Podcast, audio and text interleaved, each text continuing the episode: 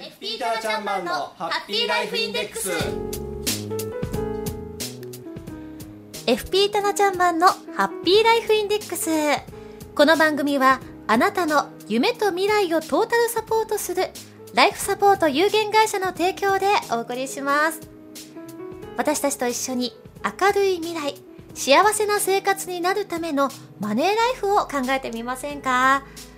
番組ではあなたからのご質問やご意見も受け付けています。番組の放送中でも大歓迎ですしその他の曜日いつでも OK です。メールで送ってくださいね。またたなちゃんマンへの応援メッセージもお待ちしています。宛先は fm768 アットマーク p-wave.ne.jp メッセージの宛先と同じです。Fm768 アットマーク p-wave.ne.jp でお待ちしています。さあそれでは今日も早速一級ファイナンシャルプランニング技能士でありライフサポート有限会社代表のタナちゃんマンをお呼びしましょう。あなたもご一緒に。せーのタナちゃんマン。はいこんにちは棚橋です。はいこんにちはタナちゃんマン、はいこの2週目の今日はですね、はい。幸せな生活になるためのマネーライフに関するお話を伺っていきたいと思います、一級ファイナンシャルプランニング技能士としてのタナちゃんマンが登場ということになりますけれどもね、はい。さてタナちゃんマン、はい。私ねこの時期になるといつも気が重いんですよ。ああわかります。あのね、はい。あの封筒。そうですね。やって言っても届いてくる封筒。そうですよね。会社はい勤めをしていた時には、あまり関わりのなかったあれですよ、ねあれ。そうですね。あれ確定申告。はい、そのねえ4文字が頭から響きます、はい。い、つもこの時期にねああちゃんとやっとけばよかったのにって いつも、いつも後悔する。これが確定申告でございます,、ですね。一年分まとめてね帳簿をつけようと思うとまあ大変だと思います。本当に大変です、そうですね。まあ、私自身もね会社経営してますんでね、まあ、会社ですんでねあの決算ですから確定申告ではなく決算なんですが、はい。まあ、同じことは言えますよね、はい。はい。1年分貯めちゃうとやっぱり大変ですよね。本当にですよ、まあ、あの毎年頑張ろうと思うんですけれどもね、はい。まあ、今年は頑張ってまあす。まだまタナちゃんまだまだ会いしてね1 1月がはい。はい。終わったばっかりですからねまだ1ヶ月、はい、でもね、この時期ねね。レシートが山になっててあなんでちゃんとやってなかったんだろう。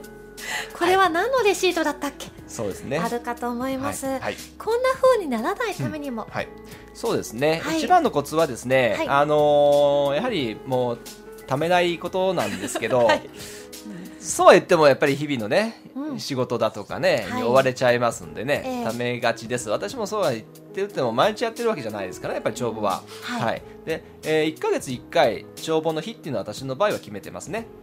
あー。はい。お店でいう棚卸しの日みたそですねいうな感じですかはい、うん。はい、私の場合はねあの商品がありませんのであの、うん。えー棚卸しないんですけれども、え毎月、えー、第何何曜日の日はもう帳簿をやるってもう決めてるんですよ。もう予定に入れ込んじゃうわけはい、ですね、はい。だからその日はもう予定がい、まあ、入れない、よっぽどのことがなければね、はい入れない。で、その日はもう一日帳簿をね、やっているという形で、で、え。ーそうは言っても、やっぱり1ヶ月って言ってもですね、やはり、レシートだとか領収書、何だったっけかなとかですね、あります、はい。なので、あのーまあ、帳簿つけないまでもそのレシートとか領収書あるいはその預金通帳ですね。通帳でお金出し入れも、これ何のお金だったっけかなとか 何のねために出したんだ？そうありますから、はい。その時はもう鉛筆でねええ。書き込んじゃいます。あ。帳簿に書き込まなくてもうレシートに書いちゃうんですよはいはい。はい、そうするとその帳簿をするときにね仕分けがすごくら簡単にできますのでそんな風にねやっていただければなと思います。あそれは落書きにはならないわけならないならないいですよ。はい。あの何何かあったとかですね。で何のためにお金を下ろしたとかですね。はいそうなんです。私知りませんでした。通帳になんか書いてもいいんですね。あいいですよ。通るんですね、はい通ります通ります。鉛筆で書いても、はい大丈夫ですよ。し はい。皆さんこれは知らない方も多いと思うんですけど。かもわかんないですよね。通帳になんか書いちゃダメとか、はいはい。通らなくなっちゃうとか。はそうですね。まあ、思い込んでおられる方もいらっしゃる、はい。私自身もそうでしたやっぱりはい、はい、昔、あのー独立してね、ファイナンシャルプランナーとやる前、えーサラリーマンの時経理の仕事してたんですけれども、ええ。初めてその経理の仕事携わった時に上司がやはり通帳に書き込んでるんですよ、ボールペンで。えーボールペンで？大丈夫かなと思ったんですけど、はい。まあ問題なく、あ。はい、大丈夫ですんでね。あ。のこう印字したその列であればいいんでしそうですかね。はい、きっとね、はい、そうですね。あそうですかそうですか、これは使えると思います、はい、なので細かくそうメモをすることで、うん。はい、貯めちゃっても多少貯めても大丈夫かなっていうふうに思いますね。その都度その都度にメモを、メモをしておくというそうですね。はいことですね、これはもうね個人事業主の方あるいは会社経営の方ね、う確定申告今迫ってますけれどもに限らずねこれ主婦の方の家計簿にも言えることなんですよね。いいかもしれないです、はあのスーパーだとねうん。レジでちゃちゃちゃっと出てきますけど、はい。領収書みたいに一括で出てくるそうです時にねねはい。これは誰さんにあげたプレゼントかしらはっていうのは、これもですね、はい。家計簿を続ける一つのコツなんですよ。うんはい、家計簿をねやっぱり貯めちゃうと大変だしっていうので続かなくなっちゃううんはますよね結構そういう方が多いんですけれどもい。メメモをする癖だけつければね貯めちゃっても帳簿は貯めちゃってもある程度はつけやすくなりますんでねはい、これはもう何でも言えることですんでね。はじゃあお家に帰られた時に、はいそのお財布の中からレシートを出して、その日の一日のことなの覚えてま覚えてすますよね。はいそ。こでちゃちゃちゃっと書いて、はいどこかにこうそうですね。もう一つ箱を作ってね、レシート入れる箱の中にもう入れておけばいいじゃないですか。はいこれなら皆さんすぐできそうですね。そうですね。はい。はい、逆にその なんかペンなんかをちっちゃいスケ,、ジュール帳に挟んだペンでちょちょっと書いておいて。最近なんかでその携帯のストラップにつけるちっちゃいボールペンとか鉛筆なんかもねありますしね。はい。ペットボトルについてたりしまあ、すそうですね。もはい。はい。ジュース買うとねついてますよね。はい。ね。あはい。れでちゃちゃっと書く自分の覚書きをすると分かりやすいですね。そうですね。後で慌てることもなく、ははい、これはもう本当に確定申告ならずも、うん。かあの家計簿ににも。も使えるはい使えますんでね。はい。でまたね、うん。この今年から実は商売を始めたんだよとか、はい。今年から確定申告なんだけど、うんうんうん。こんなの知らなかった。でも今回はやらなきゃいけないから来年からもっと楽にするにはなんかアイテムとかがあったら、そうですね、ええまあ、アイテムといいますかね、あの確定申告やはり混み合いますしね、あのーまあ、四日市の場合ですと、農農協会館でね、はい。えー特設会場という形でやりますけれども、混み合いますんでね、やはり、あのー電子申告ですね、インターネットでやっちゃえば、簡単に申告書も作れますし、はい。うん。あのー書類を提出するだけなのでね、うん。うん。比較的簡単にできるんじゃないかなと思います。はい、なんかこう人に聞かないとわからないっていう時もありますよね。うん。ね。私も1年目ももうなんか半日ぐらいこもってたような気あがしますーそうですね。けれども、はい。そうですね。初めてやられる方っていうのはねその感情科目もうね何がどれでどれが何みたそいうな。ですね。あの分かんないですよね、はい。まあ、それはもう慣れていくしかないんでね。わはからないことはやっぱりお電話で聞いてそうですね、はい。こと、そうですすね。で、あの確定申告始まってしまうと、結構混み合ったりとかですね、うん。あの税務署職員の方もすごく忙しいですかね。ちょっとなかなかこうゆっくり教えてくれるということはないね、はい。難しいですけれども、ええ。あの事前にですね相談すれば教えてくれますしね。うん。はい私今日今年聞いたことをまた覚えておいてね、はい来年に生かしていくというのもいいかもしれませんね。はい、必ず申告したね機会はありますので、確実にそれはね、あの保管をしていただいてはい大切だと思います。はい。それとあのーサラリーマンの方でね、うん。あのーまあ、確定申告やられたことないっていう方も多いと思うんですけれども。あ年末調整で終わっちゃう方も多いんじゃないそうですね。年末調整で終わっちゃうんですけれども、うん。はいえー医療費控除だとかですね、はいはい。あるいは去年中にですね昨年中に、えーマイホームを購入された方、えー住宅ローンを使って、えーマイホームを購入された方なんかね、はい。還付申告ができますのでね、はい。あのー忘れずにやっていただければと思います。それと、えー還付申告につきましては確定申告もあの受付前ですけれども還付申告につきましてはもう受付やってくれますんでね。税務署が混み合う前にもうやっちゃった方がいいと思いますんで。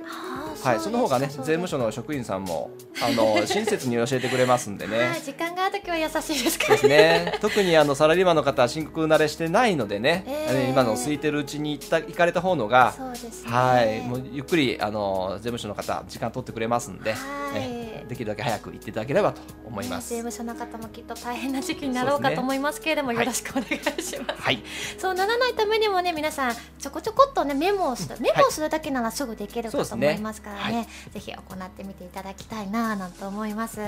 今確定申告についてお届けしましたけれどもダン様はい近々そうですね。ありますね。はい、はい、今度日曜日なんですけれどもね、えー幸せマイホームの予算の出し方ということで、はい。えー三重スマさんといってですね、家づくりをすね、けんえー検討されていらっしゃる方に対してサポートしている任意の、おまあ、ボランティア団体というほどもでもないんですけど、まあ、ボランティアで、えーやっているうミエスマっていうのがあるんですけれどもね、はい。そちらであの幸せマイホームの予算の出し方というテーマでセミナーをやらせていただきます。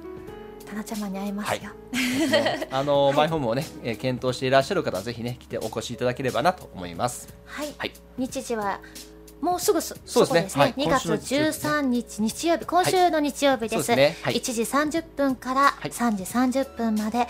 場所は TOTO 四日市ショールームです、はい。住所はですね三重県四日市市日永西。2の12の6になりま、す。すね。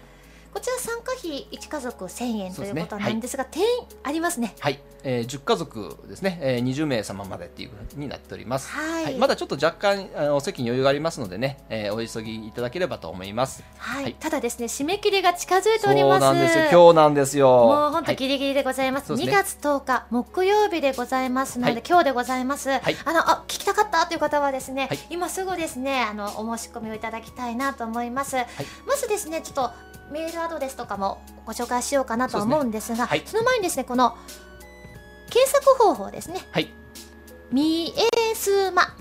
みえすまと入れていただきましたら出てまいります、い。そのうちのですね一番上に2行目でしたでしょうか？そうね。2月13日のイベントというところでですね、はい。検索をしていただきますとずずずずずっといきますとタナちゃんマンが登場でございます、はいそこからですねクリックをしていただきましたらい楽にそうですね。ア。クセスできるんじゃないかなと思います、はい。でなかなかそこは入れないわという方はですねご紹介させていただきましょう、い。メールはですね、はい。